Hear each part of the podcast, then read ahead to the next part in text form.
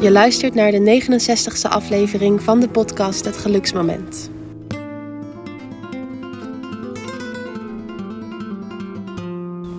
Voor je emoties hoef je je niet te schamen. Ook als je boos bent, hoef je je daar niet schuldig over te voelen. Je hebt emoties niet voor niets. Ze hebben een functie en mogen er dus zijn. Maar chagrijnig zijn roept wel een reactie op bij de ander en dat kan oplopen tot flinke ruzies. Deze aflevering gaat over schuld en schaamte. Als we het al niet voelen bij onze eigen emoties, dan herkennen we het wel uit ruzies. Als je boos of chagrijnig bent, leg je bij de ander namelijk schuld neer. Best te verwachten dus dat iemand defensief reageert of terug in de aanval gaat. We hebben het vandaag over het belang je niet te schamen en over omgaan met schuld.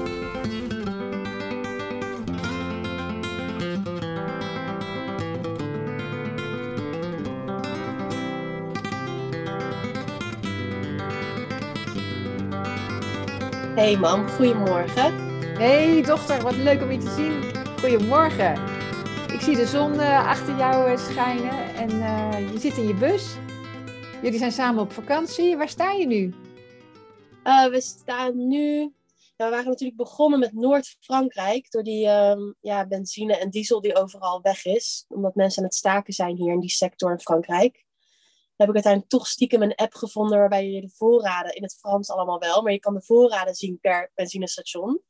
Dus zo zijn we toch op de Bonnefoy in Zuid-Frankrijk terecht uh, gekomen. Uh, met het beetje diesel wat nog in het land aanwezig is dus. Dus nu zitten we in Mimizan. En dat is ja, Zuid-Frankrijk. Dus een paar honderd kilometer van Spanje af eigenlijk. Nou, leuk te horen. Uh, welkom uh, luisteraar bij de podcast van uh, Nieke en van mij, Lanke. Nieke is mijn dochter, werkt ook in, in, in mijn Centrum voor Natuurgeneeskunde. En um, ja, deze podcast gaat altijd weer over het geluksmoment. En is dus een gesprek tussen moeder en dochter, maar ook, tussen, ja, ook gaat het over gezondheid.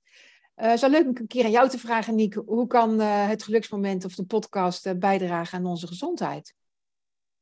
Nou ja, Um, jij hebt natuurlijk een methode ontwikkeld uh, om mensen van hun chronische klachten af te helpen. Dus die al van alles hebben geprobeerd.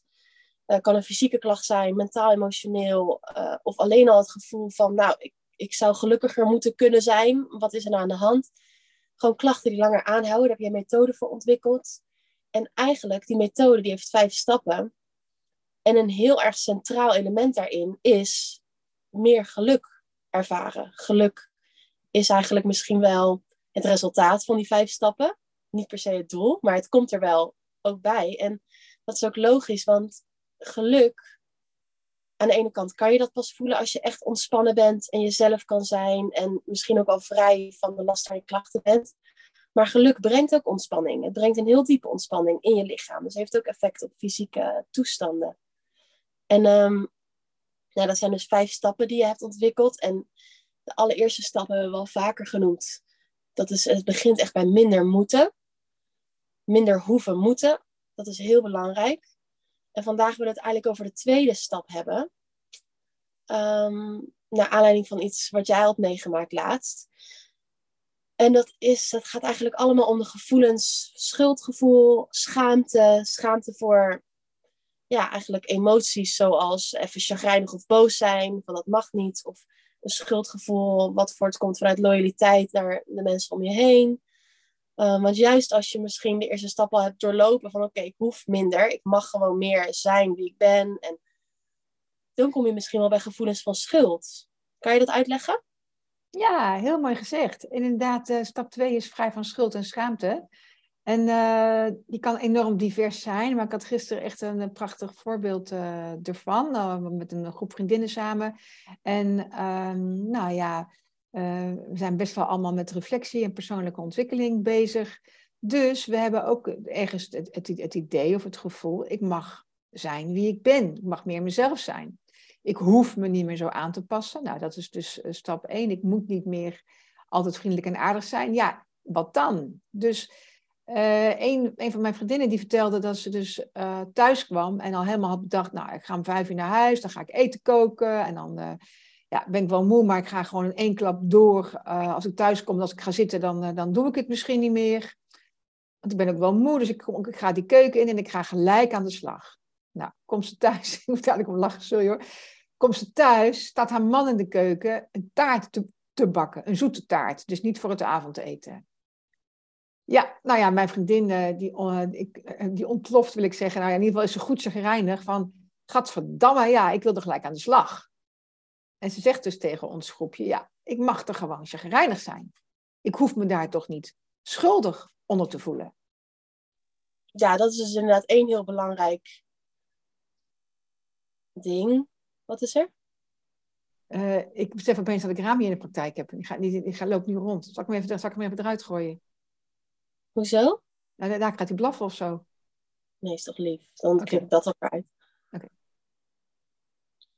Ja, dat is dus eigenlijk wel één belangrijk ding. Dat je inderdaad dus niet schuldig hoeft te voelen over de emoties die je voelt. Dat is op zich heel belangrijk natuurlijk. Want nog erger, tussen aanhalingstekens, zou zijn als je vindt dat je echt niet boos mag zijn. Of vindt dat je altijd aardig moet zijn naar je omgeving. Dan zit je dus eigenlijk weer in stap 1 van dat je jezelf allerlei dingen oplegt. Hoe je moet zijn, hoe je moet zijn naar andere mensen toe. Ja, die is wel heel mooi dat je die benoemt. Uh, ik, voel me trouwens ondertussen ook een beetje schuldig, uh, geachte luisteraar. Want ik heb mijn hond nog in de praktijk uh, staan. Dus ik neem de opname in mijn eigen praktijk op. Dus als hij gaat blaffen, dan, dan, dan, hoor je het wel. het is ook heel prettig om hem hier bij me te hebben. Dus ik laat hem toch even hier. Uh, ja, dus en dan ga je weer naar stap 1. En stap 1 is inderdaad dat je van alles moet en dat je ja, dat je dus wel schuldig zou moeten voelen. Uh, en dat kost dus heel veel energie. En al die beetjes energie die weglekken, ja, die heeft ons lichaam dus niet over om ons gezond te houden en te maken. Dus weg met schuld en schaamte is een hele belangrijke, omdat het een stiekem, stiekem energielek is.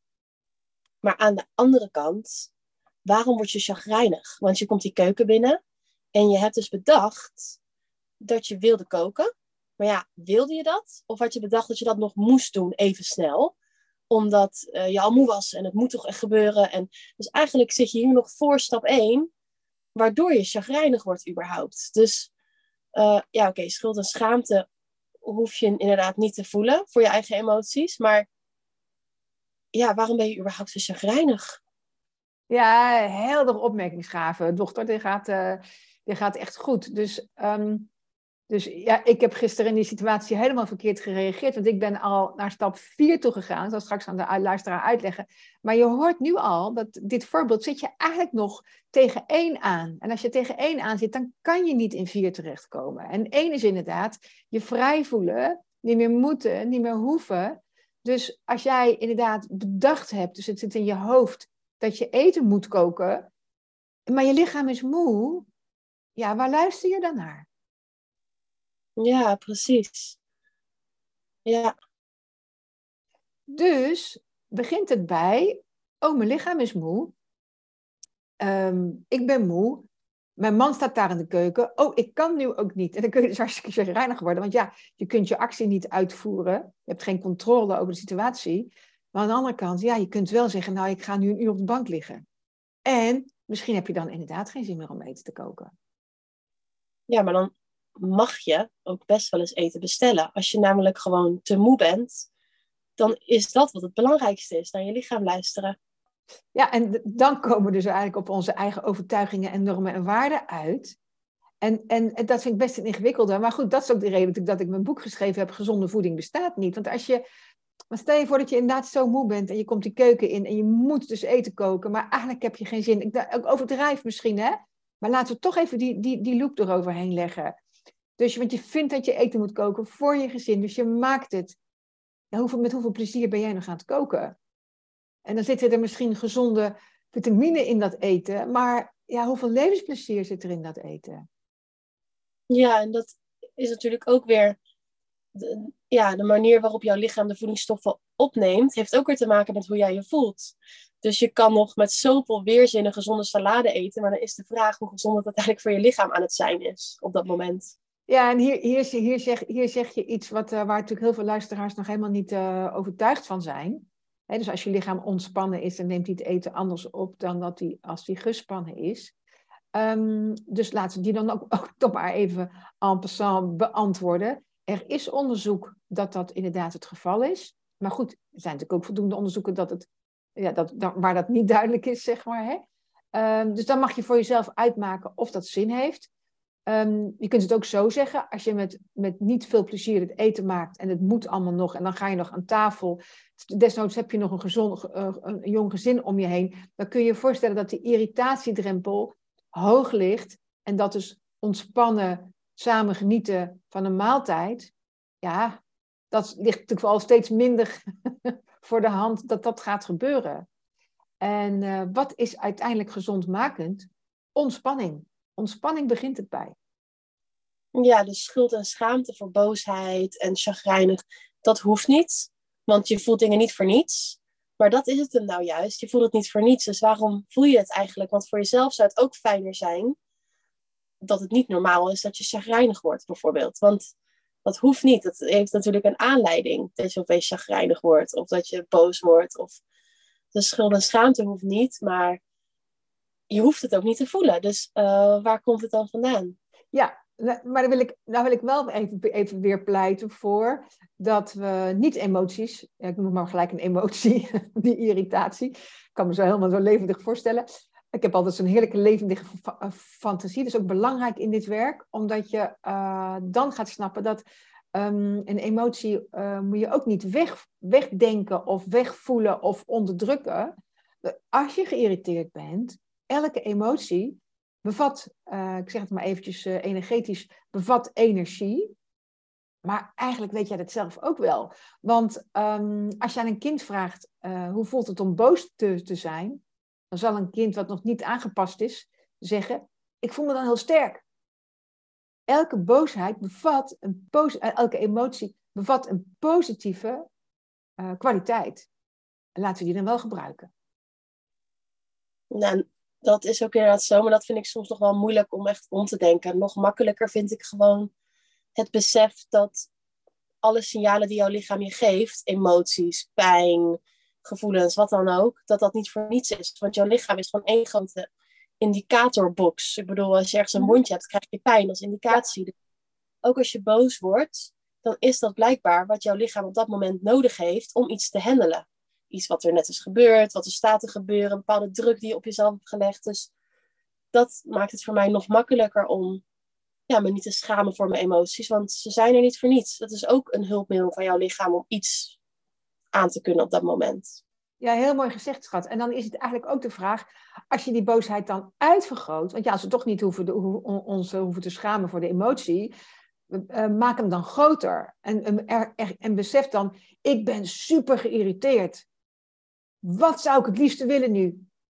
Niet meer eten koken. En dan, dan kan je namelijk, dat, dan, dan zorgt die emotie ervoor, of dan kan die ervoor zorgen, dat je uit je gewoontestructuur stapt. Dat je uit je uh, eigen normen en waarden stapt. Ja, en dat is misschien nog best wel. Kijk, dit was natuurlijk boosheid naar een partner toegericht. Maar stel dat je boos wordt of geïrriteerd naar je kinderen toe, dan is schaamte en schuldgevoel al veel lastiger, denk ik, om niet te voelen. Of naar, uh, naar een vriend of vriendin. Kijk, je partner is veiliger, hè? dus dan, mhm. dan mag je nog wel eens echt lekker chagrijnig zijn, want je weet dat, dat het toch goed zit uiteindelijk aan het einde van de dag. Maar naar een vriendschap of je kinderen, ja, dan, dan is schuldgevoel wel, denk ik, prominenter nog aanwezig. Ja, en we zaten net nog even op irritatie. Nou, ga, ga, ga oefenen bij je partner, wou ik zeggen. Niet zozeer om je irriteerd te voelen, maar wel om uh, jezelf te vragen, ja, maar wat wil ik dan? dus dat is een hele belangrijke. Uh, maar ja, wat wil ik dan? Ja, kan je het bij je, bij je, naar je kinderen toe ook vragen en naar je vriendin ook vragen. Alleen dat hoef je dan misschien niet eens te doen in de situatie zelf. Je kunt het ook jezelf daarna nog vragen. Wat wil ik dan? En dan zitten we nog steeds in stap 1. Stap 1 is niet meer moeten, minder moeten. Ik moet niet, maar ik wil. En je verlangen is om vrij te zijn. Dat is allemaal nog stap 1. Dus we gaan wederom naar stap 2, vrij van schuld en schaamte. Betekent dus dat een gevoel er mag zijn. Dus dan gaan we nog even terug naar dat voorbeeld. Je stapt geïrriteerd de keuken in, want je ziet je man daar uh, die taart staan maken. Ja, wat dan? Ja, dan is het dus, ja, ik weet niet het is ook oké om eerst je emoties te voelen en dan pas op onderzoek uit te gaan bij jezelf. Wat je eigenlijk, wat het is dat je zo onder druk heeft gezet, waardoor je chagrijnig en boos wordt. En wat het is wat je eigenlijk het liefst zou willen. Ik denk dat dat, ja, dat het oké is om dat na je emotie jezelf pas af te vragen. En het is natuurlijk wel lastig, want ik merk ook wel vaak als ik gewoon even chagrijnig of, of boos ben, dat degene naast me tegenover me zich meteen schuldig gaat voelen. Dat is grappig, hè? Dat is dan het schuldgevoel bij de ander, werkt het dan ook op. Ja, dat is dan wel lastig, want daardoor komt er ook minder ruimte voor jouw emotie. Want dan moet je het weer goed gaan maken of zeggen van nee, het is oké. Terwijl, ja, het heeft eigenlijk niks met de ander te maken. Jij bent gewoon even chagrijnig en boos. Dus het is lastig als die ander zich dan schuldig gaat voelen natuurlijk. Nou, dat is heel, interessant, hè? Wij willen geen, je wil zelf geen schuld en schaamte meer. Maar ja, je gunt het de ander ook dat hij daar vrij van is. Dus je wil eigenlijk samen, ik wil zeggen, vrij van schuld en schaamte worden. Uh, de, uh, maar ja, als jij, wat bij mijn vriendin gebeurde, zij kwam de keuken binnen, reageert chagrijnig. Uh, haar man ziet dat en reageert daar weer chagrijnig op. Waarom, zou hij dat, waarom zou hij dat trouwens doen dan? Ja, dat snap ik ook wel. Als iemand heel chagrijnig mijn keuken binnenkomt lopen, terwijl ik er lekker bezig ben of zo, dan zou ik er ook chagrijnig van worden. Dan zou ik later misschien wel zoiets hebben van, nou, ik ga gewoon weglopen. Succes met je emotie. Ik spreek je later wel. Maar ik zou ook wel even lekker direct reageren. Ja, dat, dat is nou eenmaal zo. Je voelt je toch aangevallen. Ja, en je wordt ook in feite, daarom, stel ik die vraag even, want wordt in feite ook aangevallen, want je krijgt de schuld. Dus, het gaat, dus aan de ene kant wil jij vrij worden van schuld en schaamte, maar je, dan geef je de ander de schuld. Dat wil je dus ook niet. Dus hoe kom je daar nou helemaal uit? Nou, dan gaf je al een heel mooie uh, reactie, namelijk ik loop gewoon even weg. Time out. Dat vind ik een hele goeie. Hebben zij niet gedaan. Dus het was echt, uh, dit, dit was, dit, dit, deze ervaring was een uh, situatie wat echt tot een dieptepunt leidt. Ik kan al wel lachen, maar is natuurlijk gewoon niet leuk. En als, als er veel van dat soort dieptepunten zijn, ja, dat is gewoon echt heel naar. En uh, ja, dieptepunten, dit kan alleen maar tot dieptepunten leiden als je ook, als je al heel veel, uh, je misschien heel vaak al geschaamd hebt, of je al heel vaak schuldig hebt gevoeld, en daar allebei wel eens eindelijk van af wilt.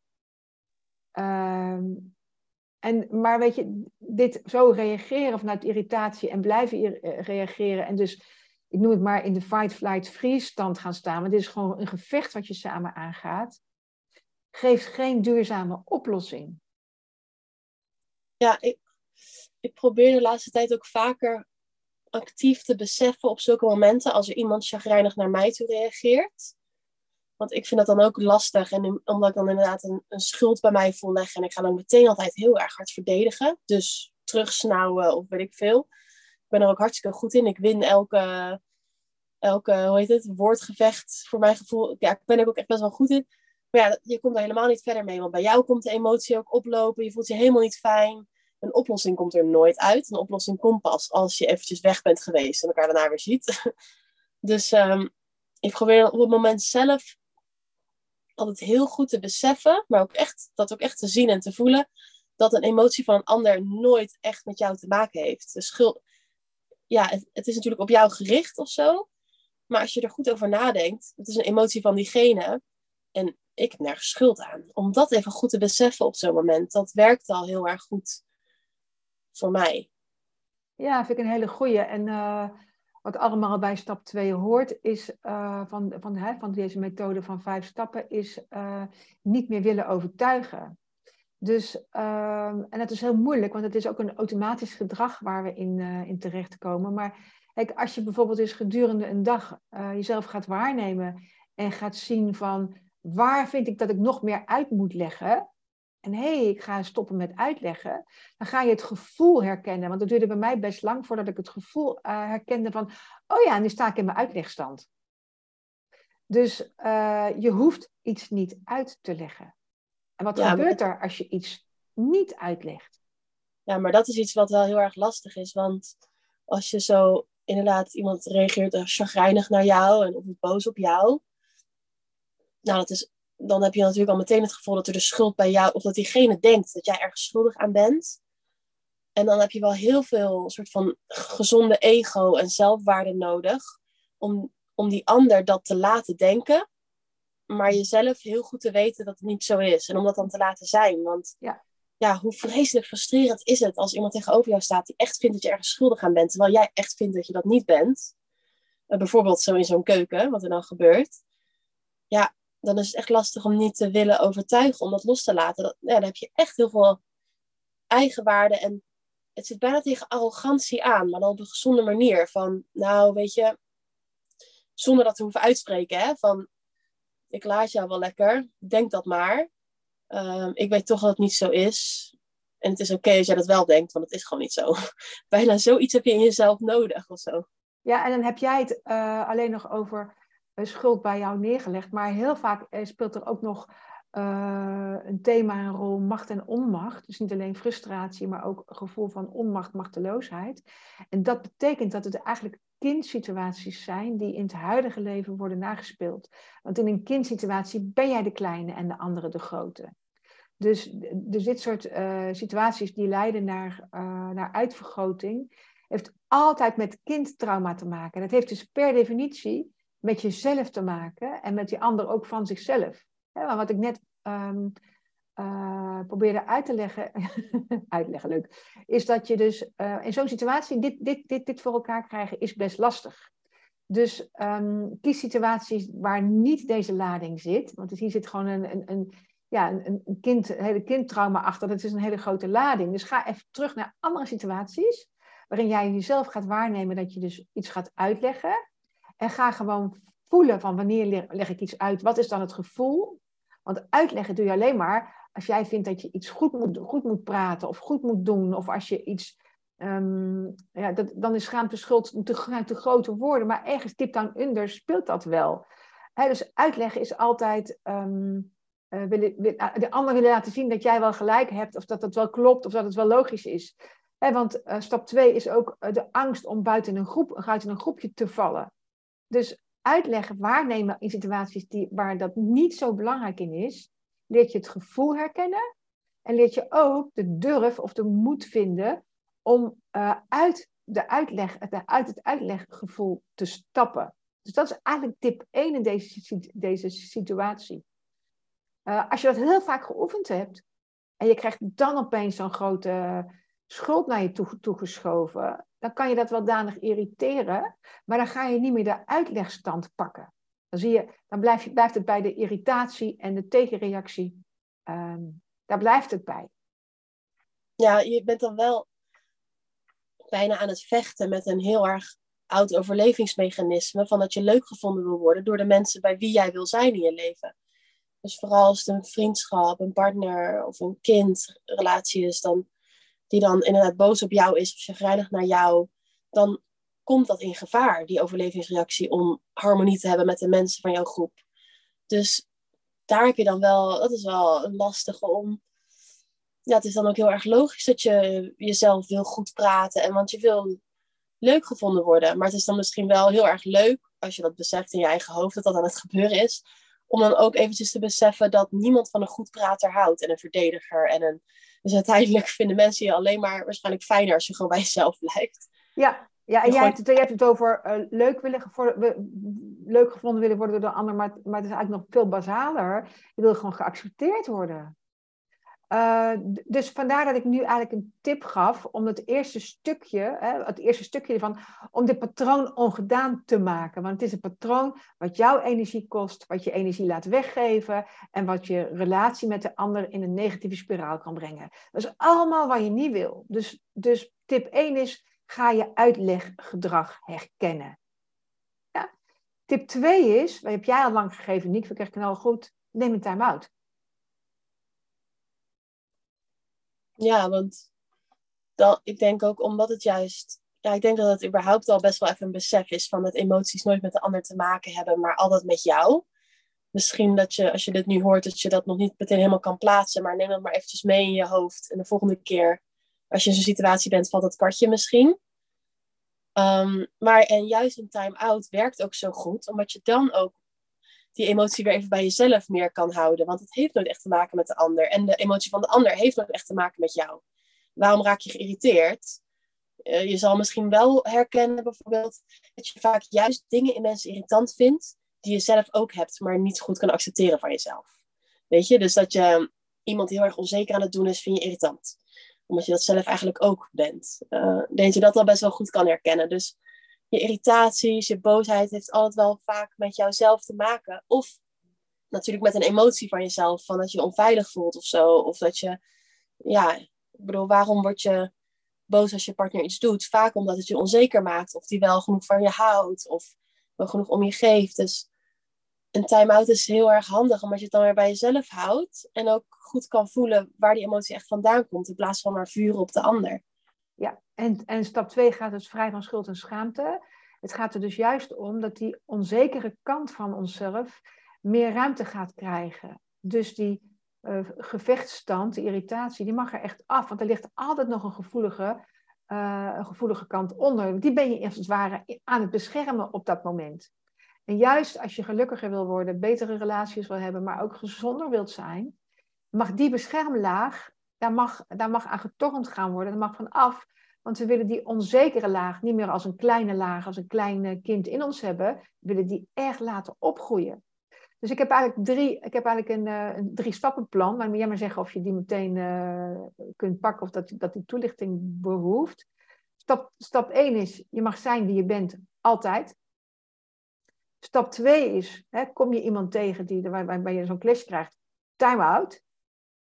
En dan stap 3 is, ja, en wat, hoe wil je het nu wel? Wat wil je eigenlijk wel? Ja, dat laatste is dan wel belangrijk. Maar het is dan wel belangrijk om echt een diepere laag in jezelf op te zoeken. Want anders blijf je misschien in het oppervlakkige hangen van... Ik ben zo boos of ik wil meer van mijn vriend.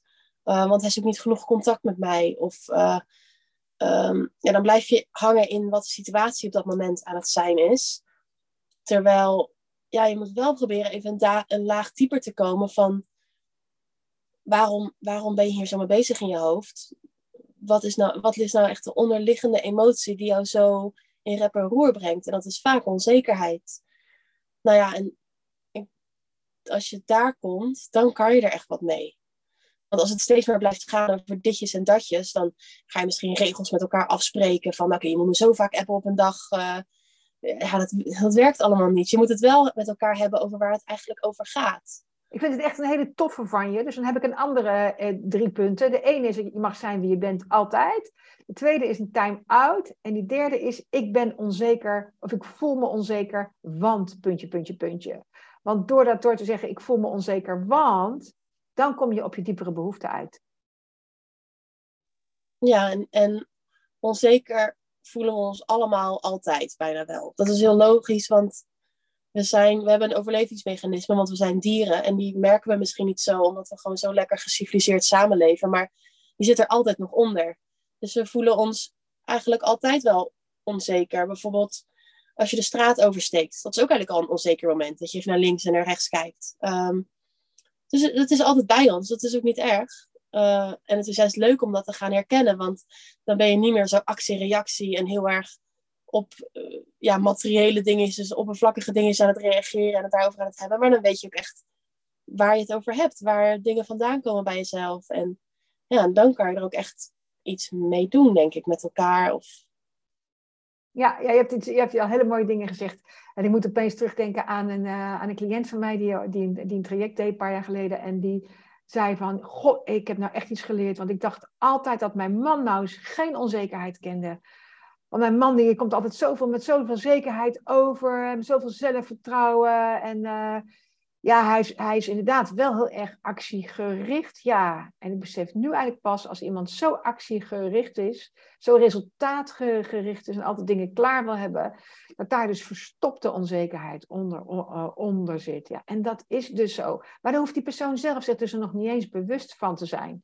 Dus eigenlijk is het voor mensen die onzekerheid al kennen, veel makkelijker om daarmee aan de slag te gaan. En dus in mijn optiek gezonder te worden. En onze optiek ook gezonder, je gezonder te gaan voelen. Want het gaat vanuit je gevoel. En degene die, uh, die dus gemaskeerde uh, onzekerheid hebben, ja, die mogen eerst die, die, dat, dat, dat masker eraf gaan halen. Ja, en dat is wel leuk, want ook als je dus beter inderdaad die onzekerheid beseft en ziet, dan verzel je ook niet zomaar echt in een ruzie. Want dan besef je ook heel erg goed dat er bepaalde reacties niets te maken hebben met dat er schuld bij jou ligt, maar dat iemand op dat moment onzeker is. Dus dan kan je het ook weer ja, dan kan je ook weer veel makkelijker een time-out misschien nemen. Nee, dat mag, je, dat mag je nog een keer herhalen, want bij mij, uh, bij mij landt hij niet. Dus zeg het nog eens. Nou ja, als je dus beseft, zij, zij besefte dus opeens wat onzekerheid eigenlijk is. En dat bepaalde dingen, zoals heel erg actie- en prestatiegericht zijn, dat er ook allemaal onzekerheid onder zit. En dat begon ze zo te zien. Waardoor je ook ja, minder snel in een ruzie met je man waarschijnlijk verzeld raakt. Als hij eventjes in, zich, in dat gedrag zit of boos tegen jou doet. Omdat je nu weet van, oh, hij is eigenlijk onzeker. Heeft bepaalde faalangst of vindt het spannend of dingen wel goed gelopen. Dus daarom dat hij zo controlerend kan zijn. Of dat heeft dus niks met mij te maken. Ik heb er geen schuld in. Hij is gewoon onzeker. Ja, dat nou klopt. Dus dat heeft echt met die, met die situatie te maken van dat voorbeeld. Maar ik probeerde hem te, toe te passen op de situatie die ik gisteren hoorde. En daar, dat lukte me dus niet. Want uh, ja, die vriendin van mij die dus die keuken binnenstapt, en die dus op dat moment uh, reageert, die weet donders goed dat ze onzeker is. Dus wat is dan voor haar de allerbelangrijkste stap om dat om te zetten? Ja, de allereerste, want um, waarom vind je dat je moet koken? Ja, want dan krijg je natuurlijk ook ruzie met je hele omgeving als die iets doet waardoor jij eventjes niet kan doen wat jij jezelf hebt opgelegd. Ja. Uh, waarom leg je jezelf überhaupt dingen op? Ja, en dat is dus een hele mooie, want dan kunnen we een heel leuk overstapje maken naar voeding uh, vandaag. Hè? Dus als je af wilt van die schuld en schaamte en van het moeten eten koken en zo. Nou, daar hebben we natuurlijk vast een heleboel leuke, leuke ideeën voor. Ja, precies. Uh, moeten eten koken. Ja, we hebben natuurlijk de afgelopen dagen best wel veel gereden.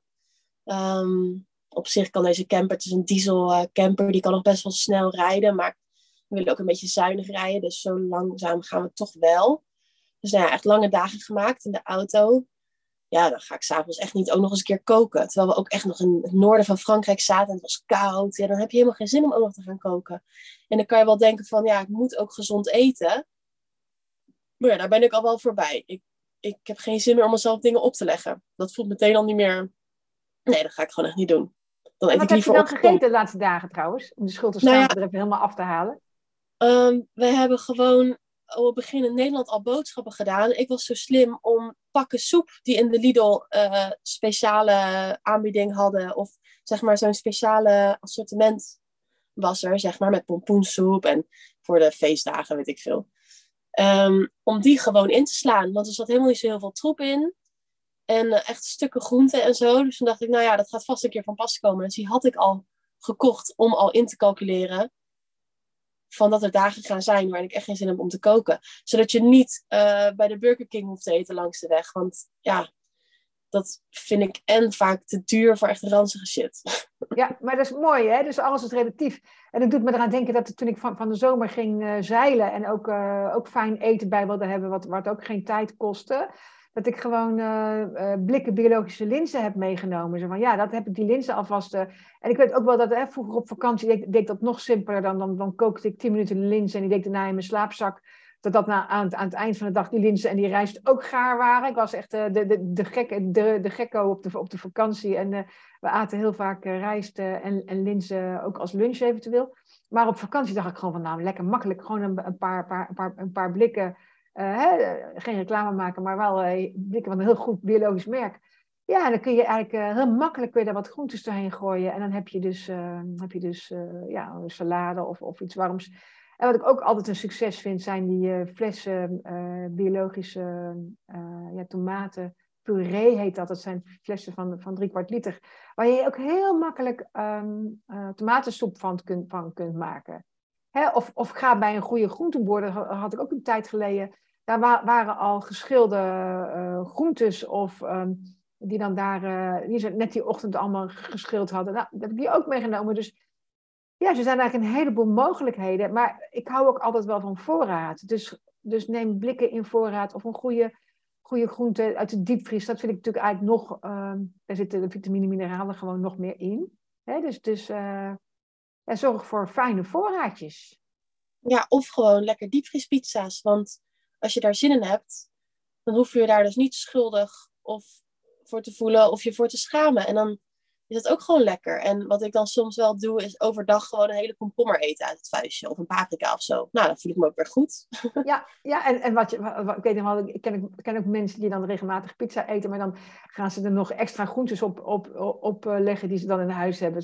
Dus, dus ja, het is altijd, het is altijd wel leuk om te, om te kijken van, uh, heb ik, uh, voel ik me schuldig en schaam ik mij en hoe kan ik dat ja, dan helemaal afgooien. Nou ja, inderdaad, ehm, ehm, af en toe een pizza of af en toe een frietje. Ja, hoeft helemaal niet verkeerd te zijn. Wat wel belangrijk is, is de uh, bloedsuikers, uh, bloedsuikerschommeling die je kunt krijgen door, door eten. En omdat bloedsuikerschommelingen um, in feite ook weer ons in een emotionele dip kunnen, kunnen brengen. Hè. Wat is een bloedsuikerschommeling? Nou, al het voeding, alle voeding die we krijgen, binnenkrijgen, die worden afgebroken, ook in suikers. Dat zijn de koolhydraten in, in ons eten. En als je veel suiker, uh, dat is zeg maar een bloedsuiker, de suiker in je bloed krijgt, dan krijg je daar een, een, een, een, een sterke stijging van. En na een sterke stijging krijg je ook altijd weer een dip. Nou, een sterke stijging zorgt voor een emotionele uh, een stijging in je emoties. En dan kan je dus heel emotioneel laten zijn. Maar een stijging zorgt ook voor een dip. Dat betekent dat je vermoeid raakt.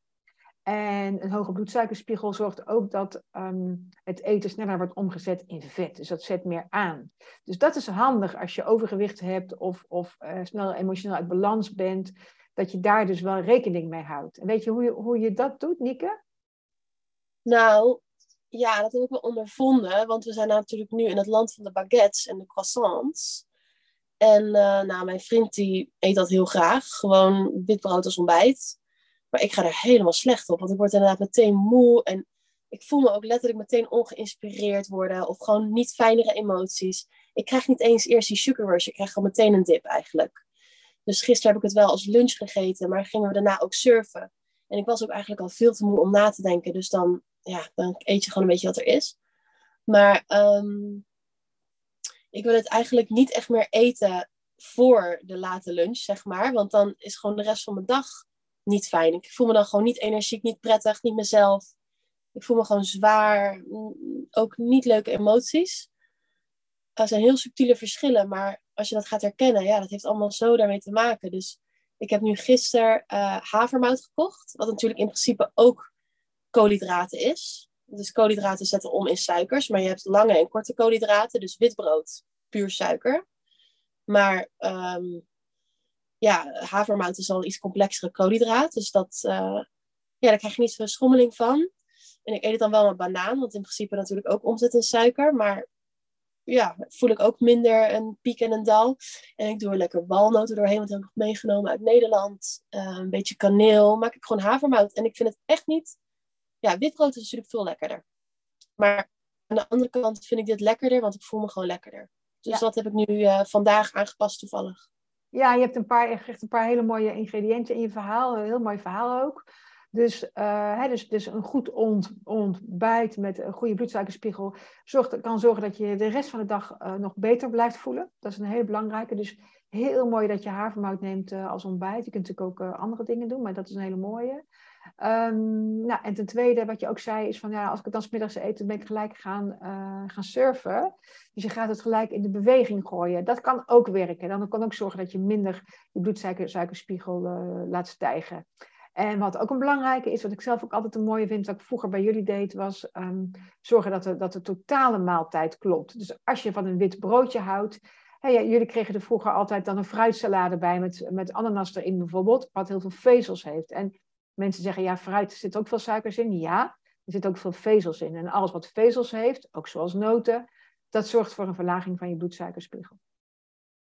Oh, en dat wist ik dus niet eens. Grappig, hè? Zo leer ik ook weer wat nieuws. Want ik, uh, ik vind het wel leuk. Mijn vriend heeft heel erg vaak... Uh, ja, die heeft een heel sterke intuïtie als het komt op voeding eigenlijk. Als het neerkomt op voeding. Want hij heeft natuurlijk niet dat hij heel erg veel weet van voeding. Zoals jij of ik, omdat jij natuurlijk voor gestudeerd hebt. Dus dat dan niet per se, maar hij voelt dan al aan bijvoorbeeld, uh, was hij met zijn darmen, voelde hij altijd zin had in yoghurt. Nou, biologische yoghurt zit heel veel probiotica in, wat goed is voor je darmen bijvoorbeeld. Um, maar ook met dit soort dingen voelt hij vaak al aan wat zijn lichaam eigenlijk fijn vindt. Voordat hij überhaupt weet dat het ook echt wel wetenschappelijk bewezen handig voor je lichaam is op zo'n moment. En nou ja, zo'n momentje had ik dus vanochtend dan ook even. Als ik dus voelde van dat ik er een banaan in wilde. Want daar zit ook wel heel veel vezels in, toch? Ja, er zit ook mag, magnesium in. Dus het kan zijn dat je lichaam dat ook nodig heeft. Hè? Dus, uh, dus, een, dus een fruitstuk met, met ja, het is, is een fruitstuk wat ik mensen die overgewicht hebben niet aanraad om in één keer een hele banaan te nemen. Hè, maar zo gemengd met havermout of een halve banaan, dat, is dan, uh, dat kan heel goed vergeteerd worden. Inderdaad. Ja, ik neem ook inderdaad een halve altijd. Ja, nou mooi. Heb je het mooi gedaan. Nou, dan, hoop, dan, hopen we dat de luisteraar hier weer, uh, hier, hier weer uh, geïnspireerd raakt om, ja, om zich lekker in zijn vel te voelen, de schuld en schaamte overboord te gooien. Uh, ik heb nog wel een laatste opmerking, want ik heb natuurlijk heel veel verhalen in, in deze praktijk die over schuld en schaamte gaan. Um, duw hem niet weg en haal hem echt boven tafel, omdat waar jij je schuldig voor voelt of waar jij je voor schaamt, juist enorm veel informatie kan bevatten hoe je over dingen denkt. En dat is misschien heel mooi voor een podcast voor, de, voor een volgende keer. Hè, haal schaamte en schuld boven tafel om juist je eigen ideeën over dingen uh, nog meer boven tafel te krijgen. Ja, dus eigenlijk wat je nu zegt is, er zit altijd, je kan altijd jezelf nog een keer waarom vragen. Dat kan je eigenlijk altijd doen. Ik hou zo van waarom hij gaat. Nou, tot volgende week, man. Dankjewel. Het was enorm fijn om jou te zien uh, in, jouw bus met de zon uh, op, de, op de achtergrond. Dankjewel, luisteraar, voor het, uh, voor het luisteren van deze podcast. We krijgen er steeds meer luisteraars bij. Het is echt uh, onwijs tof. Ik krijg reacties van, uh, ja, van, van allerlei mensen. Uh, ja, steeds weer. Echt heel erg leuk. Dankjewel voor het luisteren. En een hele fijne week. En lieve dochter, dikke kus. En tot volgende week. Doei doei. Dag, dag.